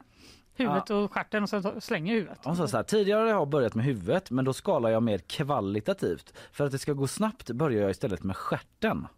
Aha. Ja, När stjärten sitter på, kvar på huvudet. Fråga inte mig. I don't jag, understand. Jag, tror, jag är nog ännu långsammare än din kille på att skala räkor för jag har typ knappt gjort det hela mitt liv. För jag är inte så förtjust. Men ehm, Ja precis, ett, med ett kilopris på 389 norska kronor så erkänner Sofia att det inte är den billigaste hobbyn då när hon ska träna på det här. Eh, att det har väl blivit lite dyrt då. Eh, men hon poängterar att hon har åtminstone fått äta räkorna efteråt då. Hon eh, ja, satsar på en pallplats. Hon vill vinna egentligen. Eh, tänker att liksom få komma som svensk då och bli västlandets snabbaste räkepillere. Mm, ännu en tävling mellan Norge och Sverige. Ja, men också från Thailand för eh, det visar sig, jag läser mellanrubrik, proffsmotstånd från Thailand. Tjejen som vann bor i Bergen men hon är från början från Thailand och jobbade som räkskalare i Thailand som barn. Oj, Hon oj, hade verkligen det i ryggmärgen och fick ihop 37 skalade räkor på två minuter. Oj, oj, oj. Avslutande fråga här då. Var räkorna goda då? Ja, jag fick i varje fall äta en av dem. De övriga skulle räknas. Det handlar om integritet och cred för fan alltså. Det finns vissa regler och restriktioner här va. Det är inte mer med det. Ja, innan vi stänger ner här då. Breaking news. Så mycket minskade inflationen i januari. Minskade Jaha. alltså. Du hörde rätt Fanny Wik. Är det sant? Ja, den svenska KPFI-inflationen. Ja, läs mer på gp.se. Landade på 9,3 procent i januari vilket är en nedgång från 10,2 procent. Alltså nästan en procentenhet då. Jaha. Som det har gått ner eh, enligt SCB. Och eh, den samlade analytikerkåren hade förutspått en inflation på 9,6 men det blev alltså 9,3 då. Så vi kan väl bara, det liksom kom här under morgonen en text som eh, uppdateras allt eftersom här på gp.se. Vi börjar och slutar med glädjebesked. Ja, dag. elpriserna sjönk med 20 27,4 procent också senaste månaden. Oh, wow. Vilket bidrog till att inflationen gick ner då säger Sofie Öhman på, pris, eh, eller på SCB. Hon är prisstatistiker där i ett pressmeddelande. Så ja, glädjebesked. Våren eller tranorna här i Ho- Hornborgasjön och Mm. det brukar ses som ett vårtecken och Mm. inflationen går ner. Ljusare tider går vi till mötes. Vi eh, väljer att se det så i alla fall så får vi väl se här. Vi är tillbaka redan imorgon. Kanske följer vi upp med ett mardrömsbesked om något annat. Vem vet? Ja, det kan vi inte lova åt något håll. Du, idag har vi pratat om att första tranan är siktad i Hornborgasjön. Mm. Det var väl en liten kortis kan jag väl säga. Eh, Men sen, den- eh, Den var god. Ja, du har pratat om det här att det ser ut att vara ett faktum nu att eh, Finland lämnar oss. För Nato. Ja, och Daniel Alling på Sveriges Radio blev irriterad för att eh, Ulf Kristersson var så eh, sparsam Ja. i uttalanden om det, särskilt Ja. i svensk media då. Exakt. Men när USA knackar på, då blev det svar. Då Vi vet inte hade han omständigheterna där. Han kanske blev helt ambushed. Jag Men- tror bara han ville vara med i Financial Times. Så Men det får det stå för mig. Det får stå för dig. Jag har pratat också om Anonymous Sudan då som är i farten igen men där experter misstänker att det är Killnet. De ryska killarna och kanske tjejerna som eh, är vana hackare då som ligger bakom de här belastningsattackerna mot svenska myndighets hemsidor.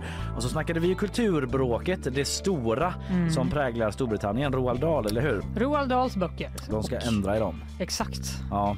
Sen hade vi gäst också med oss. Det var ju så att vi talade om eh, Kalla fall då med Anders Eriksson Ja. som är chef för Kalla fall-gruppen här i polisregion Väst. Ja, det var väldigt intressant tycker Ja, det var det. Vi pratade om det här stuvkällarmordet då som fick sin oväntade åtminstone polisiära uppklarning eller vad Mm. man ska säga då för att det är preskriberat. Men eh, de, har en, de tror sig ha hittat en gärningsperson där helt enkelt. Mm. Det pratade vi om och om hans arbete och sen hann vi med en hel del annat också. Saltholmen, det var ballonghundar som gått sönder för Ja. hundratusentals kronor och så vidare.